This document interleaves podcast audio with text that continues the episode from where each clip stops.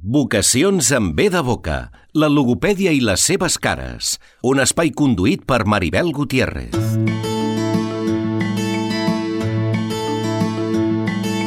Molt bon dia, migdia, tarda, vespre o nit, sigui quin sigui el moment del dia en què ens estigueu escoltant. Benvinguts a Ràdio Silenci, el podcast que estem dedicant aquesta temporada al món de la logopèdia. Avui ens volem centrar en un àmbit en què el paper del logopeda, m'atreveixo a dir, és més conegut, l'educatiu. Avui parlarem de dislèxia i per fer-ho la nostra convidada d'avui ve d'aquí mateix, de la Garriga. Avui tenim el plaer de tenir amb nosaltres la Mireia Duran. Mireia, benvinguda a Ràdio Silenci, com estàs? Hola Maribel, moltes gràcies per convidar-me a la ràdio. Estic molt bé i encantada de ser aquí per parlar de la dislèxia. Per als oients que no et coneguin, Mireia, qui és la Mireia Duran? Doncs mira, sóc nascuda i criada aquí a la Garriga. Després d'acabar el batxillerat vaig fer un cicle formatiu de grau superior i a l'acabar-lo vaig començar a estudiar logopèdia. Vaig acabar la carrera el 2019 i des de que he acabat fins al dia d'avui em dedico a la logopèdia. Actualment estic treballant els migdies en una escola pública, com a servei privat, i cada tarda en centres privats. Molt bé, estàs molt ocupada, eh, Mireia? Sí, sí.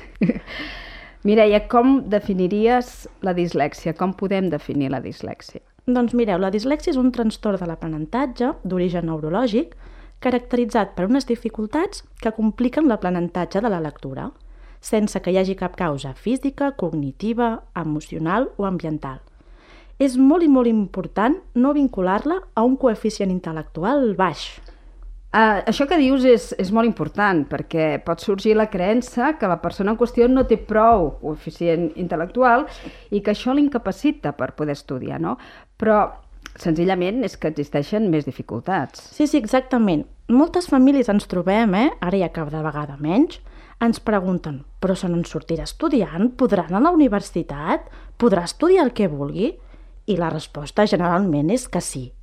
Les persones amb dislèxia tenen una intel·ligència normal i poden arribar a estudiar el que es proposin. Hi ha moltes personalitats famoses amb dislèxia, eh? per exemple Steve Jobs, el fundador d'Apple, o Steven Spielberg, director d'entre d'altes de la pel·lícula de Jurassic Park. Ell no va ser diagnosticat fins que va fer 60 anys. Guaita tu, eh? Sí, sí. Es diuen que de petit era mal estudiant, que la lectura li costava molt... I també hi ha altres personalitats famoses, com John Lennon o Albert Einstein, que eren dislèctics. Això és important, no?, que ho diguem, perquè jo penso que és important per la gent que, que està diagnosticada de dislèxia a tenir aquests referents que són de famosos i no sóc una cosa rara, no? Uh, tots aquests famosos uh, hi ha molta gent que, que desconeixia precisament que eren, que eren dislèctics i és important que ho diguem. I vull fer l'apunt uh, lèxic, sempre faig algun apunt lèxic. Mireia, diem dislèctics, eh? I no hem de dir dislèxics. Correcte, de uh -huh. dislèctics. Molt bé. La dislèxia és un trastorn, com deies, que, que afecta bàsicament l'aprenentatge de la lectura, però inevitablement també es manifesta en l'escriptura, perquè van íntimament lligades, relacionades. Uh, Mireia, se sap quin és el percentatge d'afectació dins la població? I un aspecte molt important, se'n saben les causes? Doncs mira, s'estima que entre un 5 i un 10% de la població mundial té algun grau de dislèxia i pot afectar tant a homes com a dones per igual. El que no acabem de conèixer és la seva causa. Del que es té evidència és que és hereditària.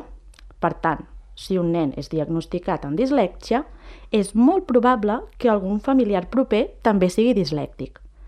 Però aquesta dada a vegades no la sabem del cert. El que sí, quan ens estem en primeres visites o hi preguntem, eh, ens diuen sí, sí, el seu pare també també li costava molt, o sí, el seu tiet també anava molt lent llegint. Mm -hmm. I a part del factor genètic, quins altres factors cal tenir en compte? Doncs hi ha tres factors que hauríem de tenir en compte. Un d'ells és el factor neurològic. Hi ha estudis de neuroimatge que demostren diferències en l'estructura i la funció del cervell, en les àrees sobretot de la lectura i l'escriptura. Un altre factor seria l'ambiental, que eh, seria la qualitat de l'educació o el suport educatiu. Tot això pot influir en el desenvolupament de la lectoescriptura. I per últim hi ha els factors cognitius. Hi ha estudis que demostren que els dislèctics poden tenir dificultats en tot el processament fonològic, és a dir, els costa més reconèixer i manipular els sons de la parla en el llenguatge oral. això que has dit dels factors ambientals, penso que és molt interessant perquè normalment les famílies és un factor que no, que no es té en compte, no? Sempre anem més al que, a les coses més tangibles, les que podem valorar, les que veiem, les que detectem, però el, el que és l'entorn normalment no es té tant en compte i és super important. És molt i molt important, sí, sí, sí. I, i ens podem trobar dues persones dislèctiques eh, de, de, que visquin en àrees diferents, eh, que podries dir per, per dades objectives podrien estar en el mateix, en el mateix punt i l'entorn fa que estiguin en, en, en, en situacions diferents, no? en punts diferents. Tens molta raó, Maribel, sí, sí, ens hi, ens hi podem trobar. Ens hi podem trobar, no? Al començament del podcast d'avui hem comentat que, que, que és en l'àmbit educatiu potser l'entorn on es detecten més aquests casos, no? de casos de dislèxia, atès que afecta directament els aprenentatges. Però no només té implicacions a l'escola, la dislèxia. Els pares, la família també poden detectar alguns símptomes. Quins són els indicadors, Mireia, que ens poden fer pensar que un nen, que una persona és dislèctica? Doncs mira, detectar la dislèxia d'entrada pot ser tot un desafiament, ja que els símptomes poden variar en intensitat. Poden anar de lleu a sever i manifestar-se diferent en cada individu. Si algun pare o algun mestre ens està, ens està per aquí escoltant, si teniu la sensació de que els vostres fills o alumnes no reconeixen les paraules, que van molt lents llegint, que llegeixen sense entonació, per tant, no entenen quan estan llegint, llegeixen un trosset i no acaben d'entendre, després de molt i molt esforç, aquest seria un dels signes més evidents que podrien indicar la presència de dislèxia.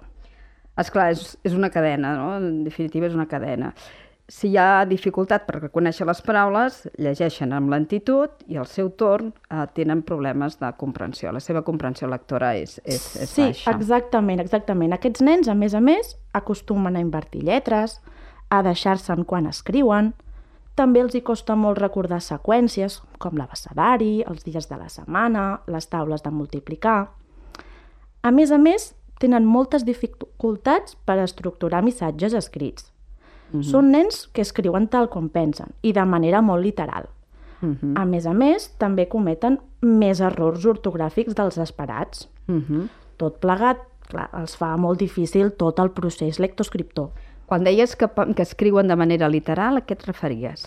Que escriuen tal i com pensen. Si una cosa la pensen així, l'escriuen així. Llavors, no pensen estructurar el, Exacte, el no pensen en, en fer una, una bona estructuració. Un uh -huh. missatge queda poc coherent uh -huh. i, i, i a vegades no s'acaba d'entendre. Uh -huh. I, I moltes vegades aquestes dificultats, evidentment, es detecten a l'aula, quan els nens i les nenes s'endinsen en el món de la lectoescriptura, no? Sí, doncs sí, sí, normalment són els mestres que tenen aquesta responsabilitat d'haver de detectar els problemes en els seus alumnes. Això entenc que pugui ser una tasca una mica difícil, tenint en compte que les ràtios són cada vegada més altes. Uh mhm. -huh. Aprofito per reivindicar-me una miqueta, si em permets, Maribel. Sí, sí, endavant, endavant. La figura del logopeda dins les aules. Penso que hauríem d'estar presents des de l'etapa d'educació infantil i que malauradament no ho estem. Penso que els infants mostren cada vegada més dificultats de veu, de parla, de llenguatge.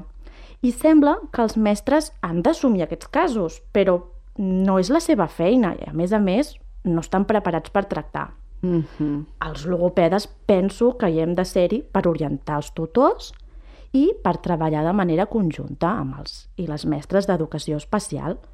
D'aquesta manera podríem detectar més fàcilment els alumnes en risc de presentar aquestes dificultats, fer-hi una intervenció directa i un diagnòstic de manera precoç. Mm -hmm. Mm -hmm. I per què creus que, falta, que, que, que, que passa tot això. Falten recursos, entenc, no? I falta reconeixement de la professió del logopeda? Doncs sí, crec que és una miqueta de mix. El que és evident és que la tasca dels mestres és cada vegada més complexa, especialment amb les ràtios elevades i les diverses necessitats dels alumnes. Uh mhm. -huh. Pel que fa a la manca de recursos, crec, en moltes ocasions, eh, crec que les escoles potser tenen recursos i el finançament limitat per abordar les necessitats diverses dels estudiants. I pel que fa a la manca de reconeixement, potser hi ha una manca de consciència o de reconeixement general sobre la importància del suport logopèdic a les aules. És possible que encara a dia d'avui alguns mestres no estiguin informats sobre les funcions i els avantatges que en aquest cas els logopedes podríem aportar dins les aules sempre amb l'equip, amb el suport de l'EAP eh? i d'altres professionals de l'escola i no com a servei extern o extralectiu, com seria el meu cas, eh? que estic en servei extralectiu. I també, ja que estem una miqueta de reivindicació, Maribel, si em permets... Mm. Tu segueix, segueix. Vale, vale, dic perquè és molt... Gràcies. Aprofito per dir que la logopèdia no és un extraescolar. Fem tractaments, val? i el que és recomanable és seguir-los cada setmana i no anul·lar sessions doncs, perquè hi ha una festa d'aniversari, perquè hi ha un pont, perquè és estiu i estic tres mesos sense fer logopèdia, o mil una situacions familiars. Sí, eh? per, I per què creus que hi ha famílies que es prenen la logopèdia com un extraescolar? Doncs pues mira, perquè crec que hi ha tantes, tenen tantes activitats, tenen, alguns nens van realment desbordats amb activitats extraescolars, en fan tantes que inclouen la logopèdia dins d'una d'elles. Clar. Clar, perquè a més a més normalment demana una assiduïtat Sí, allò, un cop a la setmana, dos cops a la setmana, que és diferent d'anar, per exemple, anar al dentista que hi vas un cop cada tres mesos o un cop l'any, no?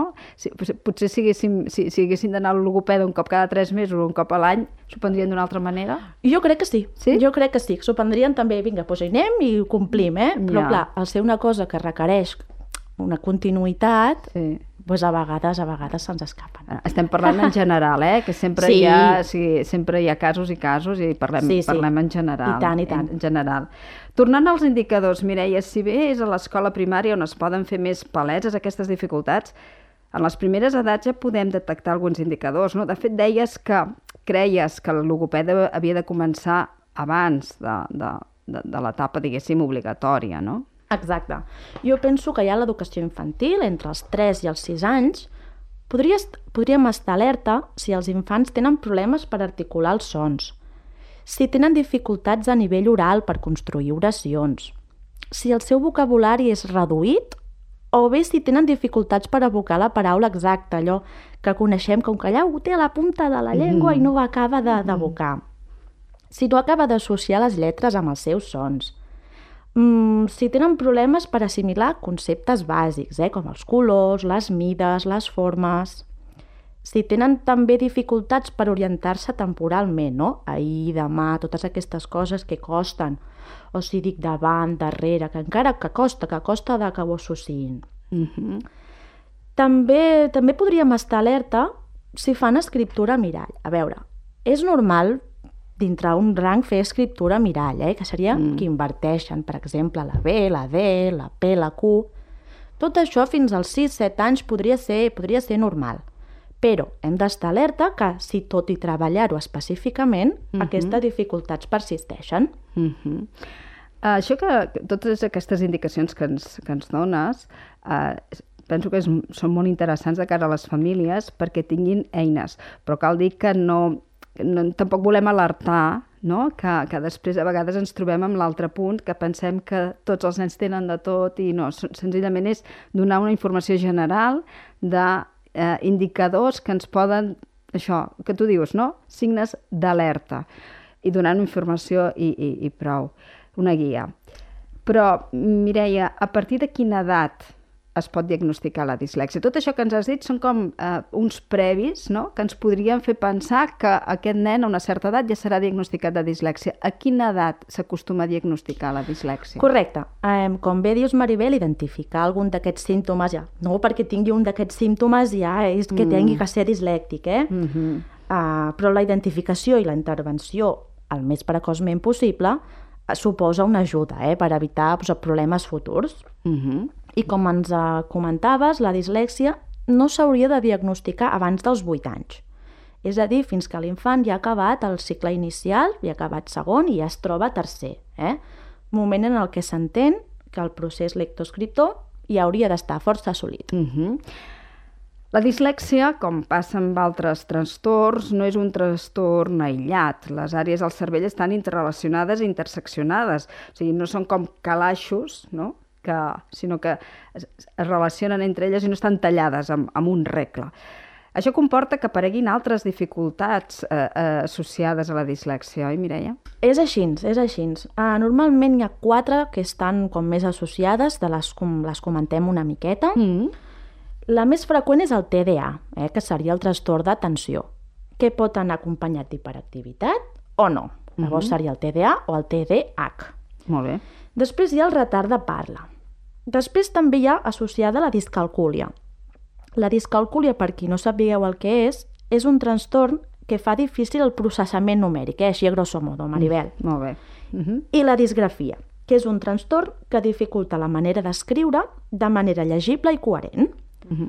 Per tant, en la dislèxia estan afectades bàsicament les àrees que s'encarreguen del processament d'informació, quan a sons i la representació en lletres i números. Deixa'm fer una, un aclariment. Disgrafia seria el que popularment o generalment entenem per mala lletra? Sí, deixem-ho així. D'acord.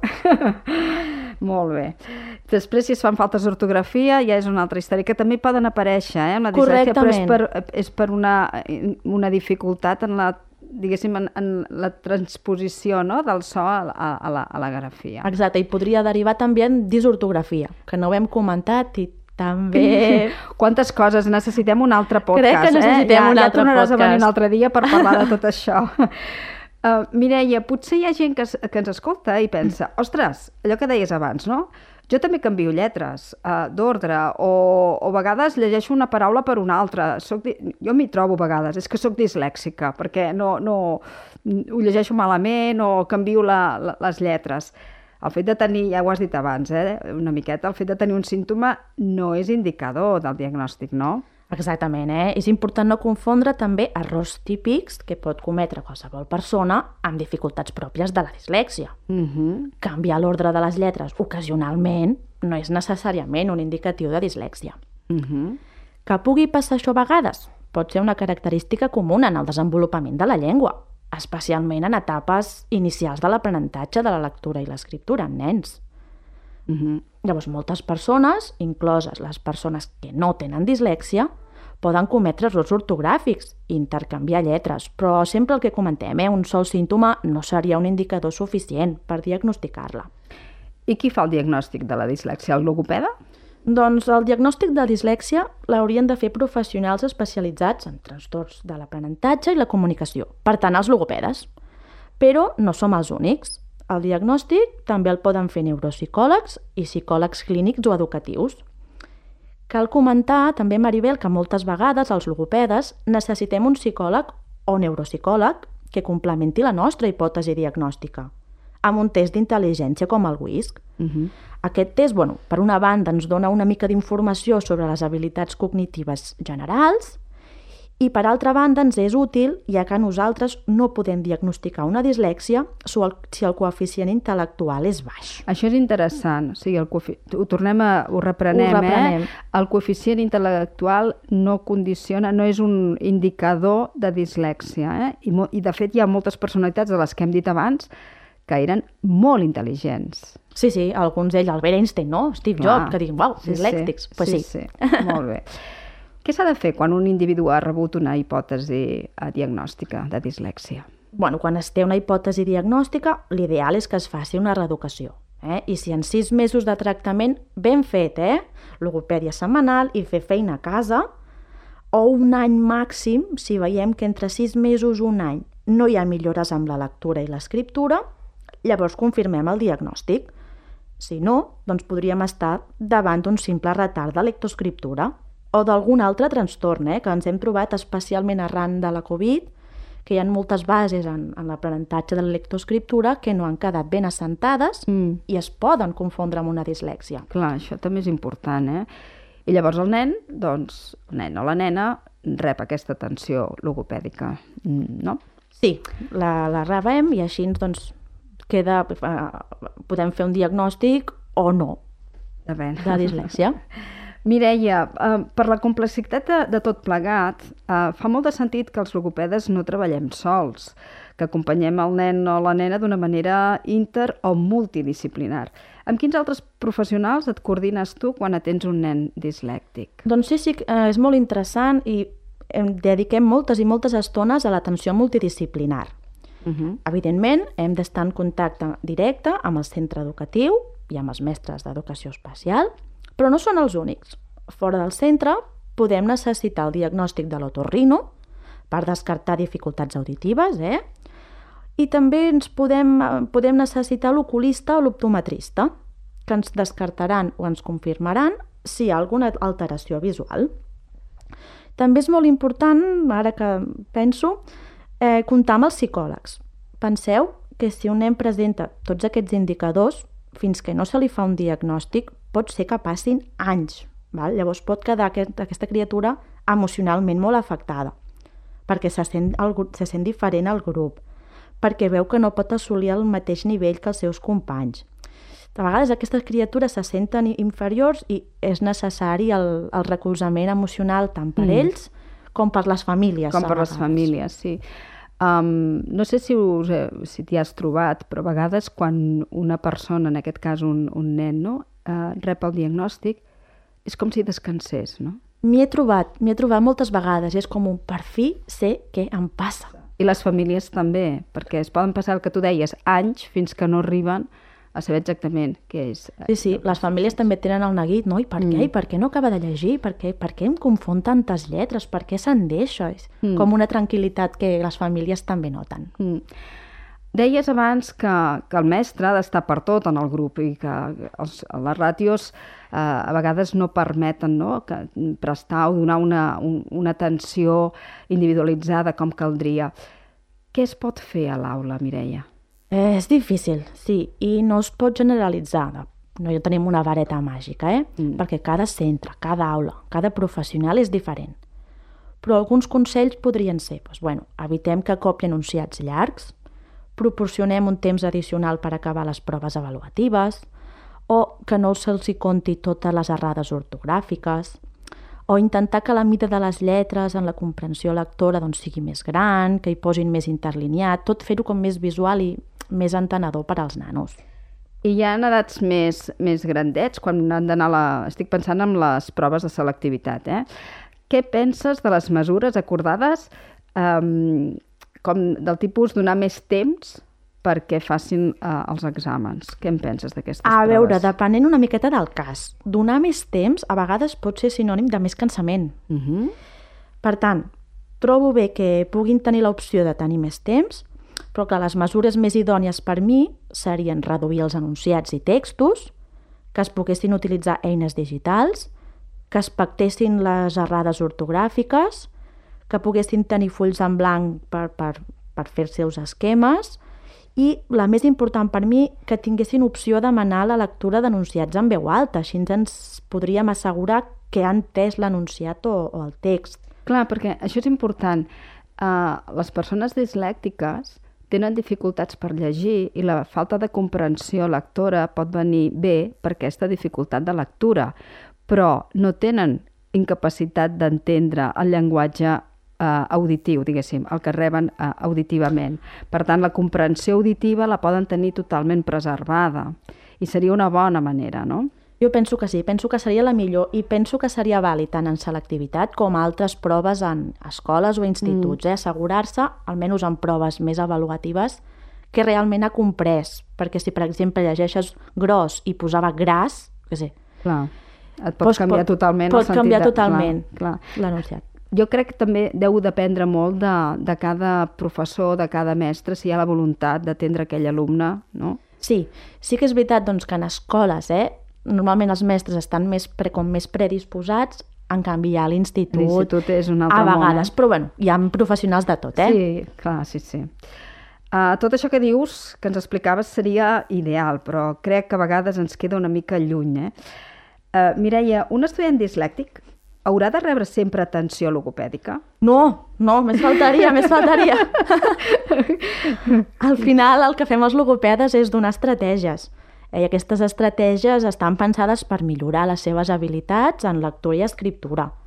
L'enfocament doncs, dependrà una mica de les necessitats individuals de cada persona, una mica i de la seva edat, però no, no, no, no. Mm. No serà una intenció. I deies que els pares, que a casa s'ha de fer feina també. Hem de convertir els pares en coterapeutes? Pues sí, per descomptat. els pares, a la família ens ha, ens ha d'ajudar a fer la feina. Penso que la pràctica constant en lectura i escriptura és super, super important en qualsevol nen. Llavors, en el cas dels nens dislèctics, els logopedes proporcionem exercicis i activitats específiques perquè es pugui treballar també a casa i no mm. només en sessió, que al final és una estoneta curta. Llavors, mm. es nota moltíssim les famílies que, que fan feina a casa. En ocasions se sent a dir allò de ara tots els nens són dislèctics. Què en penses d'això? Doncs sí que és veritat que sembla que últimament se sent més aquesta frase, eh? Per una banda ens, ens podem trobar, com hem apuntat abans, amb nens que a causa dels confinaments que van patir arran de la Covid no van tenir aquesta oportunitat d'establir de, les bases en lectoescriptura, llavors poden, es poden pensar que són dislèctics, i per altra banda, i ara amb això que, que em deies, eh, tots els nens són dislèctics. Jo us diria que la dislèxia és un espectre molt gran. Hi ha dislèxies molt lleus, n'hi ha de lleus, n'hi ha de moderades, n'hi ha de severes i n'hi ha de molt severes. Llavors penso que sempre hi ha hagut la mateixa quantitat de dislèctics, l'únic que anys enrere només érem capaços de detectar els més severs, perquè, òbviament, doncs, són els més evidents. I actualment, potser gràcies en part en la professió nostra de logopèdia, és una, que és una professió molt jove, eh, comparada amb altres professió, uh mhm. -huh. professions del camp de la salut i l'educació, doncs som més conscients d'aquest ampli espectre, per tant diria que per això en podem diagnosticar més. I ara una pregunta molt important. Mm. Té cura la dislèxia? No, la dislèxia no es cura. La persona dislèctica hi neix i ho serà per tota la vida. Però sempre, eh, amb una intervenció precoç i una ensenyança apropiada, es pot superar en gran mesura. Eh? Els dislèctics poden aconseguir estratègies per conviure-hi còmodament. Molt bé. Mireia, hem d'anar tancant aquest espai. Ja veus, eh? t'hem de convocar un altre dia perquè això... sí, sí. Tenim moltes coses encara per, per, de què parlar. Uh, abans de marxar, però, m'agradaria demanar-te dues cosetes. La primera, una paraula que expressi què t'aporta tu com a logopeda, treballar, acompanyar aquests nens i nenes i les seves famílies. I la segona, de quina manera les famílies es poden posar en contacte amb tu en cas que necessitin els teus serveis. Sabem que treballes a la Garriga, al Centre Cristina Logopèdia i Psicologia, però a banda, quina pot ser una via de contacte amb tu? Doncs mira, treballar de logopeda és una feina doncs, molt i molt gratificant per mi a vegades fins i tot eh, m'oblido de que estic treballant. Tot i que és cert eh, que dediquem molt de temps en preparar materials específics eh, per cada nen. Però és fantàstic, és fantàstic veure com nens, joves i adults van superant a poc a poc les seves dificultats. Ja sigui perquè aconsegueixen pronunciar aquella lletra que, que, que els ha costat tant, o ja sigui perquè després de temps i temps d'entrenament són capaços de llegir amb més fluidesa o escriure amb més precisió. També haig de dir que a, quan els faig llegir o escriure m'odien, molts m'odien, eh? Sí que és cert que alguns, quan els dono l'alta o veuen que se n'en surten millor, m'agraeixen la feina, eh? Fins i tot algun després no vol marxar. Mm. Alguns, eh? M'agrada molt poder-me dedicar a això i és una satisfacció dia rere dia. Doncs gratificant seria la paraula. I a part del Centre de, de Logopèdia i Psicologia, Cristina Logopèdia i Psicologia, on més et pot trobar la gent? Pues em poden trobar a Arenys, Arenys de Mar, si estic una miqueta lluny. Estic allà en una escola i també en un centre, un centre privat. I tens xarxes socials? Sí, tinc Instagram i ja està, Instagram. I el teu, i, i el teu compte d'Instagram? Perquè la gent sàpiga... Pues crec que és, és que Mireia... No ho, sa no ho saps? No, no ho sé. Segueixo a la Cristina. A la Cristina segur que em trobareu allà. Mireia, Mireia, logopeda, no ho sé. No, sé. no, no ho faig servir molt. Molt bé. Ara sí, ara marxem. Agraïm moltíssim la presència de la Mireia Duran a Ràdio Silenci per parlar-nos d'un trastorn que preocupa molt a moltes famílies i al món educatiu en general. Ha estat un plaer compartir amb tu, Mireia, aquest espai per parlar de dislèxia i de logopèdia. I com dic a tothom, torna quan vulguis. De fet, has de tornar perquè ja has vist que ens han quedat moltes coses eh, de què parlar perquè tens els micròfons a la teva disposició. Quan vulguis, aquí, aquí serem. Doncs moltes gràcies a vosaltres per donar-me l'oportunitat i donar veu no, al paper dels logopedes en aquest trastorn de l'aprenentatge. Ha estat un plaer compartir aquest espai, m'ha passat super, super ràpid i compartir un tema tan rellevant per moltes famílies i professionals en l'educació actual com és la dislèxia. Gràcies, Mireia. I a tots els que ens heu acompanyat i ens acompanyeu podcast rere podcast, un dia més, moltíssimes gràcies per ser-hi i una abraçada molt, molt gran. Fins aviat. Cuideu-vos.